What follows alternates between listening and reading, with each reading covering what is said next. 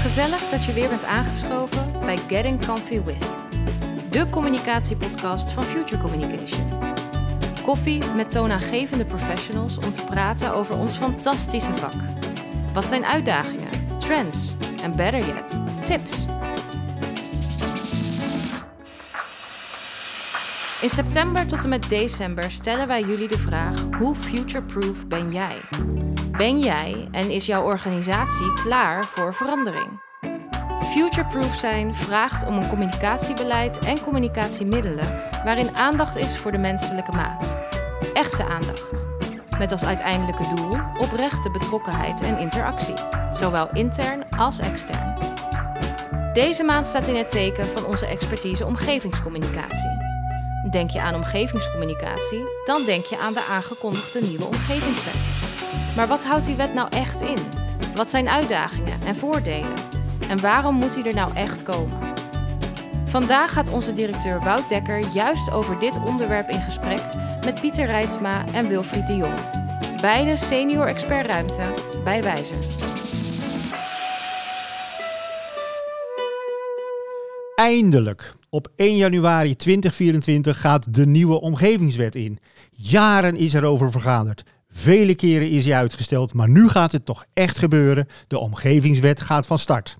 Maar liefst 26 huidige wetten, dat zijn meer dan 1800 regeltjes en regels, gaan op in die nieuwe omgevingswet. Zijn gemeenten er klaar voor? En ik praat met Wilfried de Jong en Pieter Rijtsma. En ik begin even bij Wilfried. Wilfried, wie ben je? Wat doe je precies? Hoezo zit jij hier? Nou, ik ben Wilfried de Jong. Ik zit sinds een jaar bij Wijzer en daarvoor uh, heb ik allerlei functies gehad bij adviesbureaus, bij gemeenten. Ben momenteel ook raadslid in de gemeente Assen en ben wethouder geweest in de gemeente Westerveld. En op dit moment uh, doe ik voor Wijzer uh, advieswerk bij de gemeente Midden-Groningen, waar ik twee projecten moet trekken. En dat is enerzijds een visie maken op Harksteden waar uh, Meerstad op hun afkomt met uh, 10.000 woningen. En dat heeft grote consequenties voor het dorp. En ben ik verantwoordelijk voor het stadshart Hoge Zand om dat weer uh, tot een mooiere aanblik te maken. Heel mooi, dus je zit midden in deze uitdagingen en problematiek. Ja, ik heb natuurlijk vanzelf te maken ook met de omgevingswet. En, en, en ik heb ook met een andere klus die ik voor uh, Wijzer heb gedaan, ben ik ook daadwerkelijk met de omgevingswet in de weer geweest. Bijvoorbeeld met het maken van een proces. Hoe kun je ervoor zorgen om die kortere beslistermijn ook daadwerkelijk voor elkaar te krijgen? Juist, daar gaan we zo nog even over hebben natuurlijk. Uh, Pieter Rijtsma, wat, uh, ja, wat is jouw rol? Ik ben uh, net als Wilfried ook adviseur bij Wijzer Adviesruimte. En op dit moment werk ik voor de gemeente A en Hunsen. En doe ik een project op het gebied van participatie rondom het verduurzamen van woningen. En daarvoor was ik programmamanager klimaat en energie bij de gemeente Noordoostpolder. Hielp ik mee uh, om voor de gemeente een programma neer te zetten waarmee de ambities van het klimaatakkoord werden verwezenlijkt. En daarvoor was ik programmamanager omgevingswet bij de gemeente Steenwijkerland, uh, waar we de gemeente voor hebben bereid op de inwerkingtreding van de omgevingswet. Nou, uh, we zitten hier dus met een bijzondere brok expertise als het gaat om de omgevingswet om de tafel. We hebben afgesproken dat je elkaar mag onderbreken. We moeten er een gesprek van maken. Dus het is geen vraag-antwoord, vraag-antwoord. Vul elkaar aan. En uh, ja, de eerste vraag die ons alle bezighoudt, zeker met de demissionaire status van het kabinet. Meteen maar de cruciale vraag. Gaat het door 1 januari? Wie mag ik het woord geven? Jij mag mij het woord geven. Wilfried. Ik ben ervan overtuigd dat het doorgaat. Er is zoveel inzet gepleegd om dat voor elkaar te krijgen. En onze minister Hugo de Jonge heeft zich zo hard gemaakt dat het demissionaire kabinet het wel heel moeilijk zal vinden om te zeggen, we stellen het uit. Ik vraag het ook even aan Pieter. Ik denk ook dat het doorgaat. Maar ik had het niet onlogisch gevonden wanneer we nog wat meer tijd hadden gegeven aan uh, gemeenten en andere organisaties. Nog meer tijd? Het is al zo lang bezig. Dat klopt. En juist omdat het al zo lang bezig is, is het bij gemeenten soms een klein beetje van de radar af verdwenen. En is het, was het juist logisch geweest om nu nog even een klein sprintje te trekken voordat we daadwerkelijk begonnen. Ik heb net een uh, prachtige inleiding gehouden over die omgevingswet. Maar uh, ik wil eigenlijk even van jullie horen in jullie eigen woorden. Hoe kunnen jullie uitleggen wat die omgevingswet eigenlijk is, Pieter? Nou ja, dat is een, dat is een wet die, uh, de slogan erbij is eenvoudig beter. Dus het is een, een, een wet die al die regels die er waren eigenlijk moet samen bundelen in één grote wet. En uh, ook voor gemeentes, uh, bijvoorbeeld bestemmingsplannen, worden allemaal samengepakt in een omgevingsplan. En daardoor zou het gemakkelijker in te zien moeten worden. En zo zullen veel processen door de omgevingswet, is het idee, gemakkelijker worden voor inwoners, maar ook voor de werknemers bij een gemeente. En de operatie om daar naartoe te komen, dat is nog best wel moeilijk gebleken. Dus daar zit ook een beetje mijn twijfel over, gaan we nou wel of niet goed aan de start verschijnen? Oké, dus er zit een twijfel in. Uh, Wilfried, wordt het ook eenvoudig beter? Nou, zeker in het begin niet. We zullen heel erg moeten wennen aan een nieuwe werkwijze die uh, de bedoeling is in de wet. Hè, van, ja, we zullen moeten wennen. Wie? Uh, gemeenten, maar ook, ook, ook bewoners en, en, en partijen die een vergunning gaan aanvragen. Is het nu zo dat je een gedeeltelijke vergunning kunt aanvragen en die wordt wel aangevuld. Nu zul je een volledige vergunning aan moeten vragen. Pas dan gaat die in procedure. Doe eens een voorbeeld. Hoe gaat het nu en hoe gaat het straks? je vraagt nu iets aan. Laat ik zeggen, je wilt een huis bouwen. Ja. En het blijkt dat toch uh, uh, de installaties nog niet volledig uh, zijn aangegeven, hoe die gaan functioneren en of die dus wel veilig genoeg zijn. Dan krijg je gewoon een antwoord terug. In de omgevingswet is het niet meer zo dat hij dan in procedure gaat. Dan krijg je hem terug en u moet het opnieuw in gaan dienen. En dat is een groot verschil. De andere kant is dat dat betekent dat als hij wel volledig is ingediend, dat hij ook binnen acht weken tot een besluit leidt. U heeft uw vergunning. En dat is natuurlijk de kracht die de omgevingswet moet hebben, dat er dan ook een vergunning ligt. Het gaat dus sneller. Het gaat sneller, ja. Pieter, gaat het sneller? Gaat het sneller? Nou, dat is de vraag eh, in hoeverre het uiteindelijk lukt om zo'n volledige aanvraag in te dienen. En daar moet denk ik nog wel wat werk verzet worden door gemeentes om duidelijk te maken van, goh, wat hebben we nou eigenlijk nodig wanneer er een aanvraag ingediend wordt? En een aanpassing ook bij inwoners, maar vooral de partijen die inwoners ondersteunen om zo'n aanvraag in te dienen om goed voorafgaand aan de aanvraag in gesprek te zijn met de gemeente. Om ervoor te zorgen dat het duidelijk is van dit hebben we nodig en zo kunnen we uw aanvraag in behandeling nemen. Ja, wat ik begrepen heb, wat ik gelezen heb, is dat met de nieuwe omgevingswet uh, moet die vergunningverlening uh, binnen acht weken rond kunnen zijn. Dat, dat, dat halen we nu niet. Nee, dat is nu sowieso een langere wettelijke termijn die ervoor geldt. Uh, en acht weken, dat wordt nog wel een klus voor veel gemeenten, om dat ook uh, binnen die tijd tot een besluit te laten komen. Er moet natuurlijk veel gebeuren. Want in de omgevingswet staan ook uh, bijvoorbeeld milieuregels, er staan bouwregels, er staan van alles waar je aan moet controleren of die aanvraag ook wel klopt met alles wat wij in Nederland mogen en niet mogen. En dat moet allemaal binnen acht weken en ook nog besloten zijn. En we zien nu al dat dat heel moeilijk is, ook vanwege het personeelsprobleem bij gemeenten, maar ook bijvoorbeeld bij omgevingsdiensten, om dat goed voor elkaar te krijgen. Dus dat zal een hele kluif worden. En dat betekent vooral dat gemeenten en aanvragers niet tijdens de aanvraag van de uh, vergunning, maar daarvoor met elkaar in gesprek moeten om te zorgen dat alles klopt. En dat vraagt ook wat van gemeenten, want die zijn dat ook niet altijd gewend om dat in het vooroverleg allemaal te regelen. Oké. Okay. En nu, nu werken jullie voor gemeente, Pieter, Wilfried. Jullie, jullie adviseren gemeenten. Wat is nu precies jullie rol? Ja, nu binnen mijn huidige gemeente zit, zit ik dus vooral op het gebied van duurzaamheid. Maar bij, in mijn rol als programmamanager was het mijn verantwoordelijkheid om ervoor te zorgen dat dat proces van vergunningverlening met de collega's die daarbij betrokken zijn onder de loep werd genomen om te kijken wat is er nodig om binnen acht weken een vergunning te verlenen. Dus dat aan de ene kant. En dan kom je al heel gauw uit op er moet meer ruimte komen voor het vooroverleg. Nou, dan moet je daar met z'n allen over gaan nadenken. En hoe willen we dat gaan vormgeven? En een uh, vergunning onder de omgevingswet wordt verleend door de omgevingstafel. Nou, dat vergt ook nog wel wat inrichting. Wat is de omgevingstafel?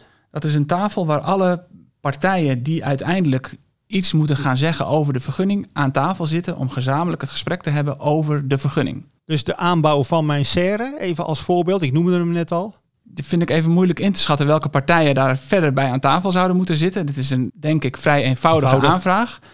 Maar hè, er kunnen milieuaspecten aan zitten. En dan eh, komen er uh, nieuwe andere partijen, behalve de gemeente zelf, in, in zicht om ook uh, een uitspraak te doen over deze vergunning. Want die omgevingstafel is er nu nog niet. Sommige gemeenten die experimenteren met de omgevingstafel. En die is eigenlijk vooral bedoeld we hebben in de, de omgevingswet hebben we ook genoemd ketenpartners. Dat, dat zijn bijvoorbeeld de veiligheidsregio, die checkt van uh, is het allemaal wel veilig genoeg. De omgevingsdienst, de waterschappen, die uh, ook wat betreft doen we het wel goed met de waterhuishouding. Die zitten dan allemaal aan tafel, krijgen het plan te zien. En ik denk dat een mooier voorbeeld is bijvoorbeeld een bedrijf wat zich ergens wil vestigen. Dan kom je vanzelf in allerlei uh, milieuaspecten terecht. En dat is vaak ook groter gebouw. Dus heb je ook te maken met waterafvoer en dat soort zaken. Die kijken naar de aanvraag, kijken natuurlijk vanuit hun expertise wat er moet gebeuren. En checken ook of dat klopt. En op het moment dat er dan iets niet helemaal klopt, zitten wel alle partijen bij elkaar om met een voorstel te kunnen komen hoe het anders zou kunnen.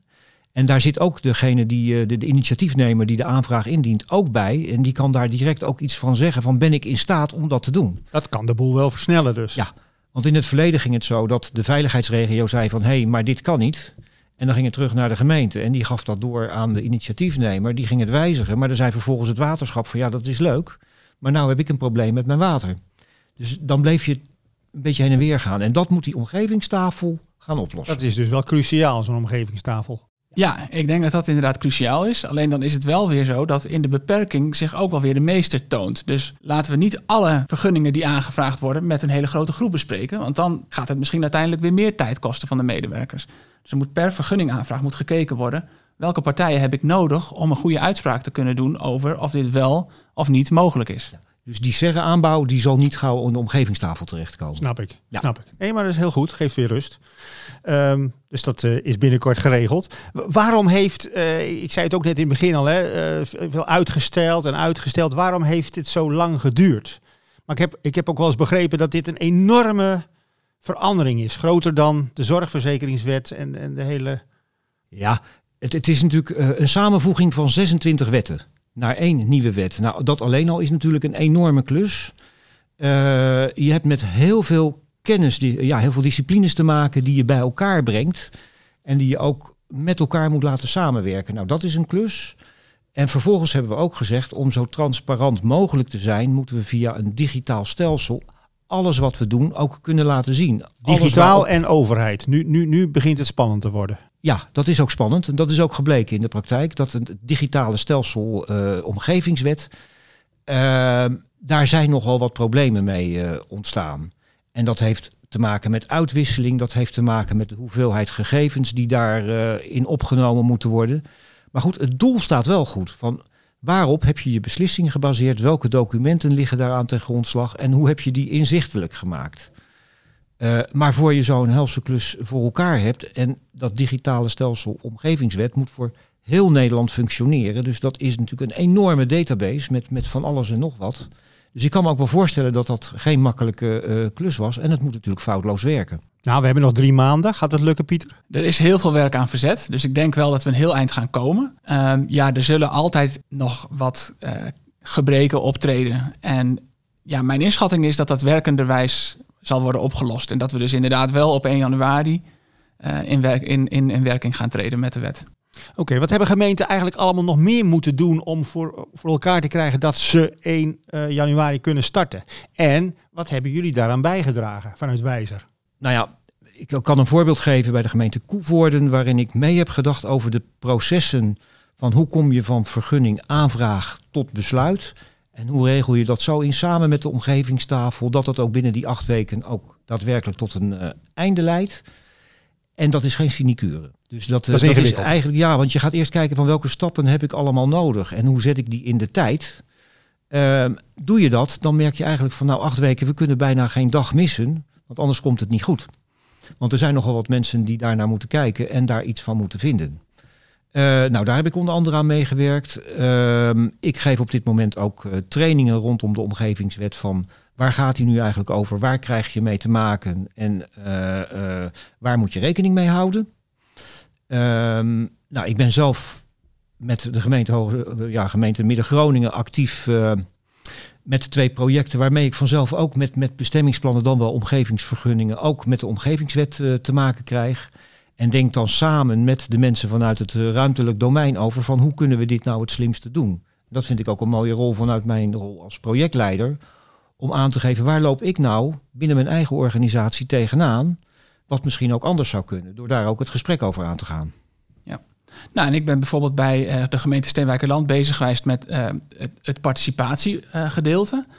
nou, er wordt van je als gemeente gevraagd om een visie op participatie te hebben vanaf de inwerkingtreding van de omgevingswet. Dus die hebben we opgesteld. En een uitvloeisel daarvan is dat je als gemeente dus door die visie jezelf ook verplicht stelt om aan participatie te gaan doen. Dat moet dan weer in een participatieverordening moet dat zijn beslag krijgen. En we hebben ook als gemeente uh, gekozen om voor een aantal trajecten participatie verplicht te stellen voor aanvragers. Daar is een gesprek over geweest met de gemeenteraad. Van goh, welke processen zijn dat dan? Welke vinden wij zo belangrijk? Welke willen wij als gemeenteraad bespreken? En hoe belangrijk vinden we het als gemeente dat participatie een onderdeel van de aanvraag uitmaakt om te luisteren wat in de omgeving van het initiatief ervan gevonden wordt. Nou, het is een verplichting. Nou, het is niet een verplichting voor alle trajecten die er, die er uh, gaan gebeuren. Dus ook voor jouw serre geldt waarschijnlijk dat je niet aan participatie hoeft te doen. Maar mocht jij een windmolen achter in je tuin willen plaatsen, dan hebben we het alweer over een veel groter participatietraject, schat nou, ik zo in. Met jouw ser is het misschien wel verstandig om even met de buren te overleggen. Nee, dat heb ik al gedaan. Die waren er helemaal blij mee zelfs. Dus uh, de windmolen heb ik het nog niet over gehad. Nee, maar oké, maar we snappen het voorbeeld. Dat, dat, daar gaat het natuurlijk om. Die participatie is natuurlijk vaak het domein van communicatiemensen. Hè. Dit is een podcast van uh, Wijzer samen met Future Communication. Participatie, communicatie. Wordt het meer werk voor communicatie en participatie mensen, noem ik het maar even zo? Inrichten van een participatietraject gaat waarschijnlijk meer tijd kosten. Maar wat je ziet is dat als er geen participatie plaatsvindt op trajecten en inwoners uiteindelijk nadat het is ingediend daar bezwaar tegen gaan aantekenen of zienswijzes op indienen, dat je een nog veel langer traject doorloopt als gemeente. En juist door het goed meenemen van inwoners en andere betrokkenen aan het begin van het initiatief, is het vermoeden, en ik geloof daar ook wel in, dat je aan het einde uiteindelijk met minder tijd een initiatief kunt verwezenlijken. Ja. ja. daarmee zegt de wet ook wel dat de initiatiefnemer eigenlijk verantwoordelijk is voor het participatietraject. Dus niet de gemeente, wel natuurlijk met een omgevingsvisie die de gemeente zelf maakt. Daar zit wel een verplichting van uit de gemeente in om te participeren. Maar als ik een uh, uh, appartementengebouw wil neerzetten, dan ben ik als ontwikkelaar of wat dan ook, dan ligt bij mij die participatieplicht. En dan heeft de gemeente in die participatievisie aangegeven, wat verwachten wij daar nou in grote lijnen van? En de gemeente moet ook beoordelen of men vindt dat die participatie ook voldoende, is, geweest. En participatie wil niet zeggen dat je, als je dat goed hebt gedaan, dat je plan er per definitie doorkomt. Maar dat is weer iets anders. Dus niet iedereen hoeft het ook eens te zijn met het plan om wel verder te kunnen. Hoewel je wel bij heel veel gemeenten ziet dat ze het wel heel spannend vinden wanneer er een negatief beeld uit de participatie naar voren komt, om dan toch als raad te besluiten van, ondanks dat er een negatief beeld is, gaan we toch door met dit initiatief. Nou ja, dat is dus spannend. Dat wordt dus spannender met de nieuwe wet, omdat het allemaal wat meer beschreven staat. Nou, je komt in een eerder stadium kom je tegen eh, de weerstand aan te lopen. Want anders heb je het uh, voorontwerp bestemmingsplan, zoals het nu gaat. En daar merk je dat er veel weerstand is. Maar als die er is, komt die vroeg of laat toch boven water. Ja. Dus, uh, en als je dat vroegtijdig doet, ben je ook nog in staat om te zeggen van... hé, hey, wat is er nou eigenlijk aan de hand en hoe kan ik het zo veranderen dat ik tegemoet kom aan? En daarbij is het zo dat participatie niet wil zeggen dat inwoners ermee in mogen stemmen. Dat ze dat recht hebben. Je, en daarom is het van belang om aan het begin van een participatietraject goed te communiceren over... wat is nu precies de rol van de inwoners in deze participatie. Je moet de verwachtingen goed managen. Want anders, ja, gaat het over meeluisteren? Gaat het over meedenken? Of gaat het over meebeslissen? Om maar eens een aantal varianten van participatie te noemen. En nou, daar, de uitkomst van die participatie is dus heel erg afhankelijk van hoe je hem hebt ingestoken. Maar dit is, dit is, dit is die hele invoering van die omgevingswet is een mega-operatie. Dat, dat, dat kunnen we wel stellen, denk ik. Dat, dat stelde ik ook in, in, in de inleiding. Um, Zien jullie nou verschil tussen grote gemeenten en kleine gemeenten? Want je noemde net al, ja, medewerkers hebben hier ook een hele belangrijke rol in natuurlijk, vanzelfsprekend. Ja, doet een, een grote gemeente dit nou weer makkelijker dan uh, een kleine gemeente? Of, of kun je dat niet zo zeggen? Je kunt het niet zo zeggen. De problematiek is anders. Je hebt natuurlijk in een hele grote gemeente heb je ook heel veel uh, uh, personeel die op hetzelfde vlak actief is. een kleine gemeente heeft dat wat minder en is daardoor ook weer flexibeler. Uh, dat heeft zijn voordelen, maar heeft ook als nadeel van hé, hey, we moeten die hele invoering van die omgevingswet naast ons reguliere werk doen. En dan valt het niet altijd mee. Nee, want er komt nogal wat af hè, op gemeente stikstof, uh, asielzoekers, ja. energietransitie. Nou. Ja. En dan zie je altijd dat zeg maar, de zaken die politiek urgent worden gemaakt, prevaleren boven zaken die ook heel nodig opgepakt moeten worden. Zoals bijvoorbeeld de omgevingswet, die soms wel eens een klein beetje uh, nou ja, naar de zijkant is geschoven om aandacht te geven aan de politieke eh, brandjes. Ja, Ja. en dat is wat jij ook heel mooi zei net. Van, van, van, het heeft zo lang geduurd dat er op een gegeven moment ook bij, bij, bij gemeenten wel een beetje is ontstaan van nou, het zal nog wel weer uitgesteld worden. Dus laat nog maar even liggen, want inderdaad, die andere prioriteit moet ook voor elkaar komen. Ja, dat was ook mijn vraag, maar jullie geven wel antwoord. Hoe wordt er binnen gemeente door de verschillende medewerkers, door de ambtenaren nu aangekeken tegen die wet, tegen die omgevingswet? Er zijn ambtenaren die worden er helemaal blij van. Ja? Die denken echt van, hé, hey, de, de gedachte van, eh, we gaan meer uit van de mogelijkheden dan van de onmogelijkheden. Daar worden ambtenaren blij van, maar niet allemaal. En dat vraagt natuurlijk een andere manier van denken op het moment dat je... De omgevingswet heeft gezegd, iemand wil wat. En dan hebben we eigenlijk de opdracht om te kijken, hoe krijg je dat voor elkaar? En dan moeten er natuurlijk geen onmogelijke belemmeringen zijn, maar dan willen we het voor elkaar maken. Terwijl we in het oude systeem toch vaak hadden van, hé, hey, we hebben een bestemmingsplan, daarin staan bepaalde regels, voldoet u daaraan? Prima, voldoet u daar niet aan? Dan kan het niet. Dat is even heel zwart-wit hoor. Eh, en die omgevingswet wil dus meer mogelijk maken.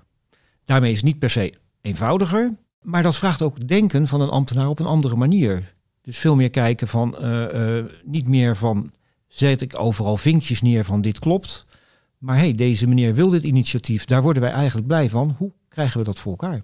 Ik wil het even hebben over de omgevingsvisie. Eh, je noemde het net al. Eh, je hebt de omgevingswet. Nou, daar weten we nu het een en ander van. En je hebt omgevingsvisie. Kun je dat een beetje uitleggen wat dat is? Ja, de omgevingsvisie die gaat eigenlijk in op wat de gemeente de wenselijke ontwikkeling in de fysieke leefomgeving vindt. Nou is natuurlijk de fysieke Lekkere zin. leefomgeving is eh, zeg maar waar, waar, waar gewoond en geleefd wordt. Dus dat gaat eigenlijk alles wat we buiten tegenkomen. Ehm, maar dat is dus een toekomstvisie op van wat vinden we daarin belangrijk. En daar komen eigenlijk alle thema's die eh, eh, in het leven een rol spelen, die komen daarin terug. Dat gaat over milieu, dat gaat over economie, dat gaat over recreatie, dat gaat over eh, water, dat gaat over bodem, dat gaat over archeologie. Ja, Jullie- eigenlijk jullie alles. hebben daar toch ook gemeenten bij geholpen bij het ontwikkelen van de omgevingsvisie, want die gaat in feite aan de omgevingswet vooraf. Hoe zit het met die volgorde? Eh, Nou, de, ja, in theorie zou die aan de omgevingswet of in elk geval het omgevingsplan vooraf moeten Je gaan. moet eerst nadenken over welke visie hebben wij over onze Ja, buitenruimte. ja, en toch is er voor gekozen om die omgevingswet straks in 2023 in te laten gaan. 24. Sorry, 24. Ja, hij is zo vaak uitgesteld. Nee, ik raak soms nog in de war. Maar we helpen je. 24 in te laten gaan en eh, de omgevingsvisie pas een aantal jaren later. Er was altijd afgesproken drie jaar na inwerkingtreding van de wet. Er bestaat nu een klein beetje onduidelijkheid over de precieze datum waarop je als gemeente een omgevingsvisie moet hebben. Maar het is wel zo dat je nadat de omgevingsvisie eh, klaar is, eh, vastgesteld is, dat je nog een flink aantal jaren hebt voordat je omgevingsplan ook daadwerkelijk af moet zijn. Maar die visie die is wel heel belangrijk inderdaad, want daarin schets je de ambities van de gemeente voor de komende, ja, ik hoop toch in elk geval 20, 30 jaar. En nou, dat blijkt in de, in de praktijk nog best wel eens moeilijk. Want er zijn best wel veel gemeentes die al een omgevingsvisie hebben geschreven. Maar sinds het vaststellen van die visie is, het, eh, is de samenstelling van de raad en van het college weer veranderd. En dan blijkt dat die ambities die voor de komende 20 jaar waren opgetekend, opeens toch meer de ambities van het vorige college waren. En dat het nieuwe college daar toch weer anders over denkt. Ja, en het gevolg daarvan kan zijn dat die visie voor de toekomst een hele voorzichtige visie wordt. Waarin niet heel duidelijk wordt gesproken van wij willen dit zijn over 30 jaar. Maar dat eigenlijk alles nog mogelijk is. Vind ik persoonlijk jammer. Maar ik snap hem vanuit de politieke afweging die ook gemaakt moet worden. Maar ja, dan wil ik volgend jaar of iemand wil volgend jaar een bedrijf vestigen ergens op een bepaalde plek. En dan? Dan wordt er in principe gekeken van staat dat in deze visie dat dat tot de mogelijkheden behoort. Zo niet ga je volgens de omgevingswet kijken van maar kunnen we het toch mogelijk maken. Dat kan ook zijn dat dat niet kan. Uh, maar de bedoeling van de omgevingsvisie is dat dat vertaald wordt naar een omgevingsplan. Waarin je dus eigenlijk je ambities vertaalt in regels voor verschillende gebieden. Dan kun je eigenlijk al op een kaart zien wat waar wel niet kan. Dat Exact. zou mooi zijn. En die omge dat omgevingsplan moet volgens de wet in 2029 klaar zijn. Dus dat betekent dat je nog best wel wat tijd hebt. Maar het is dus ook een enorme operatie. Want er zijn gemeentes die van 150, 200, ik denk dat er nog wel gemeenten zijn met veel meer bestemmingsplannen. in één keer straks terug moeten naar één omgevingsplan. Dus dat is een, een, een grote exercitie, omdat benamingen in bestemmingsplannen die nog wel eens willen verschillen, regels ook net niet helemaal met elkaar uh, overeenkomen in verschillende plannen. Dus dat, dat, is, ja, dat vereist een enorme studie voordat je eenduidig hebt opgeschreven in je omgevingsplan welke regels er nu gelden in het totale gebied. Ja, en in het omgevingsplan is het liefste ziet de, om, ja, de omgevingswet of, of de doelstelling van de omgevingswet uh, dat we gaan werken met open planregels. Is ook weer een mooie kreet. Open planregels. Ja, dat zegt eigenlijk van dat je meer een soort wensbeeld opschrijft in plaats van strakke regels waarin je aangeeft van de groothoogte van uw woning mag 2,40 meter zijn, de nokhoogte mag uh, eh, 5 meter zijn. Geef je daarin aan veel meer van wat, wat voor een soort woningbouw willen we nu eigenlijk realiseren. Waardoor er meer vrijheid ontstaat om daar een beetje bij te spelen. Helder. We hebben de omgevingswet, we hebben de omgevingsvisie, we hebben een omgevingsplan en we hebben de omgevingstafel. Dan hebben we ze een beetje? Nee. we hebben nog in, in de wet zitten verschillende instrumenten om te realiseren wat we eigenlijk met elkaar willen. En daarvan is de omgevingsvisie en de, uh, het omgevingsplan zijn daar twee van. Maar zo kan ik bijvoorbeeld ook uh, uh, omgevingsprogramma's noemen. Omgevingsprogramma's, ja, dat zijn eigenlijk uitvoeringsplannen die onder de visie hangen, maar die niet uit regels bestaan. Dus het omgevingsplan geeft met regelgeving aan van, goh, wat mag hier nou precies?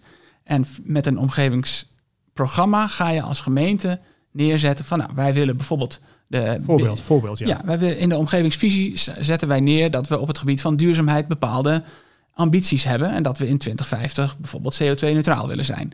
Dat betekent dat daar acties op moeten komen om dat voor elkaar te gaan krijgen. Nou, ik, ik acht de kans groot dat daar straks veel gemeentes gaan kiezen om een omgevingsprogramma op het gebied van duurzaamheid neer te zetten. En van daaruit inwoners gaan verleiden, bedrijven gaan verleiden om te gaan verduurzamen. En nou, daar, dus zo'n programma gaat vaak uh, gepaard met wat geld een budget om zaken voor elkaar te krijgen in de fysieke leefomgeving. Ja, we hebben het er net al even over gehad. Hè? Over participatie wordt toch wel heel belangrijk. Uh, wat is de rol van de communicatieadviseur bij de invoering van deze wet? Zowel binnen gemeente als, als in dat hele participatiestuk. Hebben jullie daar een, uh, een kijk op, ervaring mee zelfs? Nou, ik ben wel bezig geweest met de vraag... hoe gaan wij nou op onze website de omgevingswet nu eenvoudig uitleggen? Hoe zorgen we ervoor dat mensen die iets willen ook begrijpen wat ze moeten doen en wat ze moeten aanleveren, waar ze informatie kunnen vinden enzovoorts. Uh, nou, dat is een typische communicatietaak, want de mensen die in het vak zitten, die, die, die weten precies wat ze moeten doen, maar hoe breng je dat nou zo goed mogelijk over naar een ander? En het gaat over nogal wat informatie, dus dat vind ik een heel helder communicatievraagstuk wat vanuit de gemeente zelf geïnitieerd moet worden en waar je gewoon voor moet zorgen. Um, nou, intern is denk ik van groot belang, is iedereen wel voldoende op de hoogte van het feit wat de omgevingswet nou betekent in jouw dagelijkse werkzaamheden of, of in andere Hoe werkzaamheden. Is dat in de gemeente die jullie zo voor ogen hebben? Is, is, is, is dat wisselend of is dat een beetje hetzelfde overal? Um, nou, wij zijn, ik ben in ieder geval natuurlijk hoofdzakelijk uh, actief in het domein ruimte en daar, vandaar maak ik ook onderdeel van uit. Dus daar krijg ik wel redelijk wat informatie. Maar de omgevingswet gaat verder dan het domein ruimte. En daar zie je dat daarbuiten nog weinig bekend is over de consequenties van. Ja, ik sluit me daarbij aan. Ik vind zelf ook een mooi voorbeeld dat, hè, dat, dat die bestemmingsplannen die gaan straks allemaal in één omgevingsplan. En dat betekent dat je ook op een andere manier je initiatief moet gaan aanleveren, omdat je nu niet meer een wijziging bestemmingsplan, maar een wijziging omgevingsplan gaat indienen. Het werken met zo'n wijziging bestemmingsplan vereist tijd. En dat betekent dat als je over een half jaar een initiatief wilt gaan beginnen, dat je een half jaar daarvoor eigenlijk moet beginnen met je bestemmingsplanprocedure. Dat kan nu eigenlijk niet meer, want we hebben nu tot aan de inwerkingtreding van de wet geen half jaar meer. Dat betekent dat gemeentes tijdig moeten communiceren over wanneer een wijziging bestemmingsplan nog in behandeling kan worden genomen. En op het moment dat dat niet meer kan, wat zijn dan de alternatieven voor inwoners of andere initiatiefnemers om met hun initiatief aan de slag te gaan. Dus dat betekent, we werken tot dat de omgevingswet in werking treedt met omgevingsvergunningen. Of u kunt nu alvast beginnen met het indienen of het klaarmaken van uw wijziging omgevingsplan. Het zijn belangrijke momenten om goed over te communiceren. En de ene gemeente die communiceerde al in een heel vroegtijdig stadium van goh, wees erbij. Over twee maanden stoppen wij met het in behandeling nemen van bestemmingsplannen. Dus zorg ervoor dat ze ingediend zijn. En andere gemeenten die gooiden eigenlijk van de een op de andere dag zo ongeveer de brievenbus dicht en zeiden van vanaf nu nemen we geen wijzigingen bestemmingsplan meer in uh, ontvangst. Maar hadden eigenlijk ook nog niet een alternatief daarvoor klaarstaan. Ja, dat is niet echt goed voor het imago, denk ik. Ik vind het communicatief in elk geval niet heel sterk. Nee. Dus daar kunnen gemeentes denk ik bij geholpen worden. Ja, nou ja, dat uh, is mogelijk. Maar dat communicatie heel belangrijk is, dat heeft het Rijk ook wel gezien. Want die start uh, vanaf uh, oktober ook een echte campagne waarin uh, uitgelegd gaat worden dat de nieuwe omgevingswet van start gaat. En die zal schriftelijk in kranten, maar ook via radio en tv aan de orde komen. Die omgevingswet biedt dus meer ruimte voor participatie. Straks moet iedereen dus meepraten over elke verandering, gechargeerd maar eventjes. Gemeenten moeten al die inbreng meenemen. Uh, nou ja, andersom moet je als inwoner ook bij iedere verandering je hele buurt vragen uh, om hun mening. Daarna moet je ook aangeven hoe je dit gedaan hebt. Gaat dit niet enorm veel vertraging opleveren? Nou ja, de, bedoeling is natuurlijk van niet. Um, wat we al zeiden, van, van die uh, serre achter je huis, daar hoeven we geen uitgebreid proces aan vast te koppelen. Uh, we zijn natuurlijk in een samenleving waarin mensen het heel belangrijk vinden om mee te kunnen praten over de ontwikkelingen in hun omgeving. Ik denk dat als we dat op de goede manier doen, dat we ook sneller tot een resultaat kunnen komen. Maar dan moeten we wel die participatie in de goede vorm gieten. En dat zal in het begin best zoeken zijn wat die goede vorm is. Ja, oké. Iedereen moet meedenken in een aantal gevallen. Uh, maar dat, dat, herkennen jullie vast wel. Iedereen heeft niet altijd de juiste kennis in huis om, uh, om mee te denken. Ja, helpt dat nou? Ik denk dat het belangrijk is dat mensen die mee participeren het gevoel krijgen dat ze serieus genomen worden in het participeren. En, maar dat kan ook zijn door te zeggen van nou, wij luisteren naar wat jullie te zeggen hebben. En op basis van deze en deze afweging doen wij er niks mee. Dat, ik vind dat een goede manier van communiceren. Ik vind het, het pas vervelend worden op het moment dat je wel luistert of wel een, een bijeenkomst, een participatiebijeenkomst organiseert en uiteindelijk niet dan terugcommuniceert over wat ermee gedaan is, maar uiteindelijk wel een plan gewoon door laat gaan. Dus ik denk dat het belang daarin is van zorg ervoor dat je goed duidelijk maakt van wat is de rol van een participant en wat heb ik gedaan met de informatie die uit dat participatieproces verkregen is.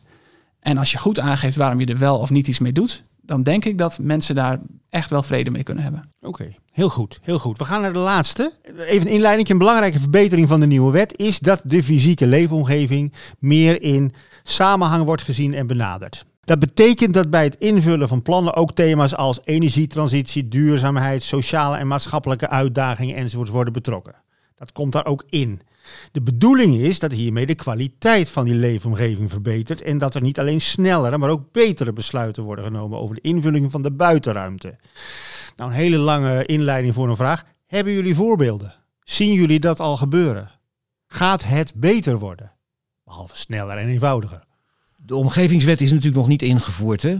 Wat ik wel zie in, in vooral grotere plannen is dat we al meer nadenken over we moeten woningbouw realiseren, maar we hebben ook te maken met een energievraagstuk.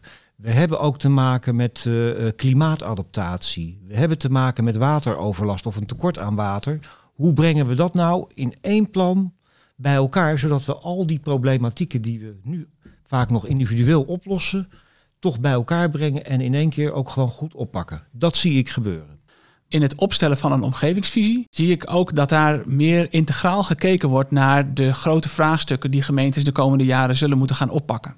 Want voordat we met een omgevingsvisie werkten, hadden we een watervisie, een mobiliteitsvisie, een duurzaamheidsvisie, een woonvisie. En die komen nu allemaal in elk geval op grote lijnen bij elkaar in één omgevingsvisie.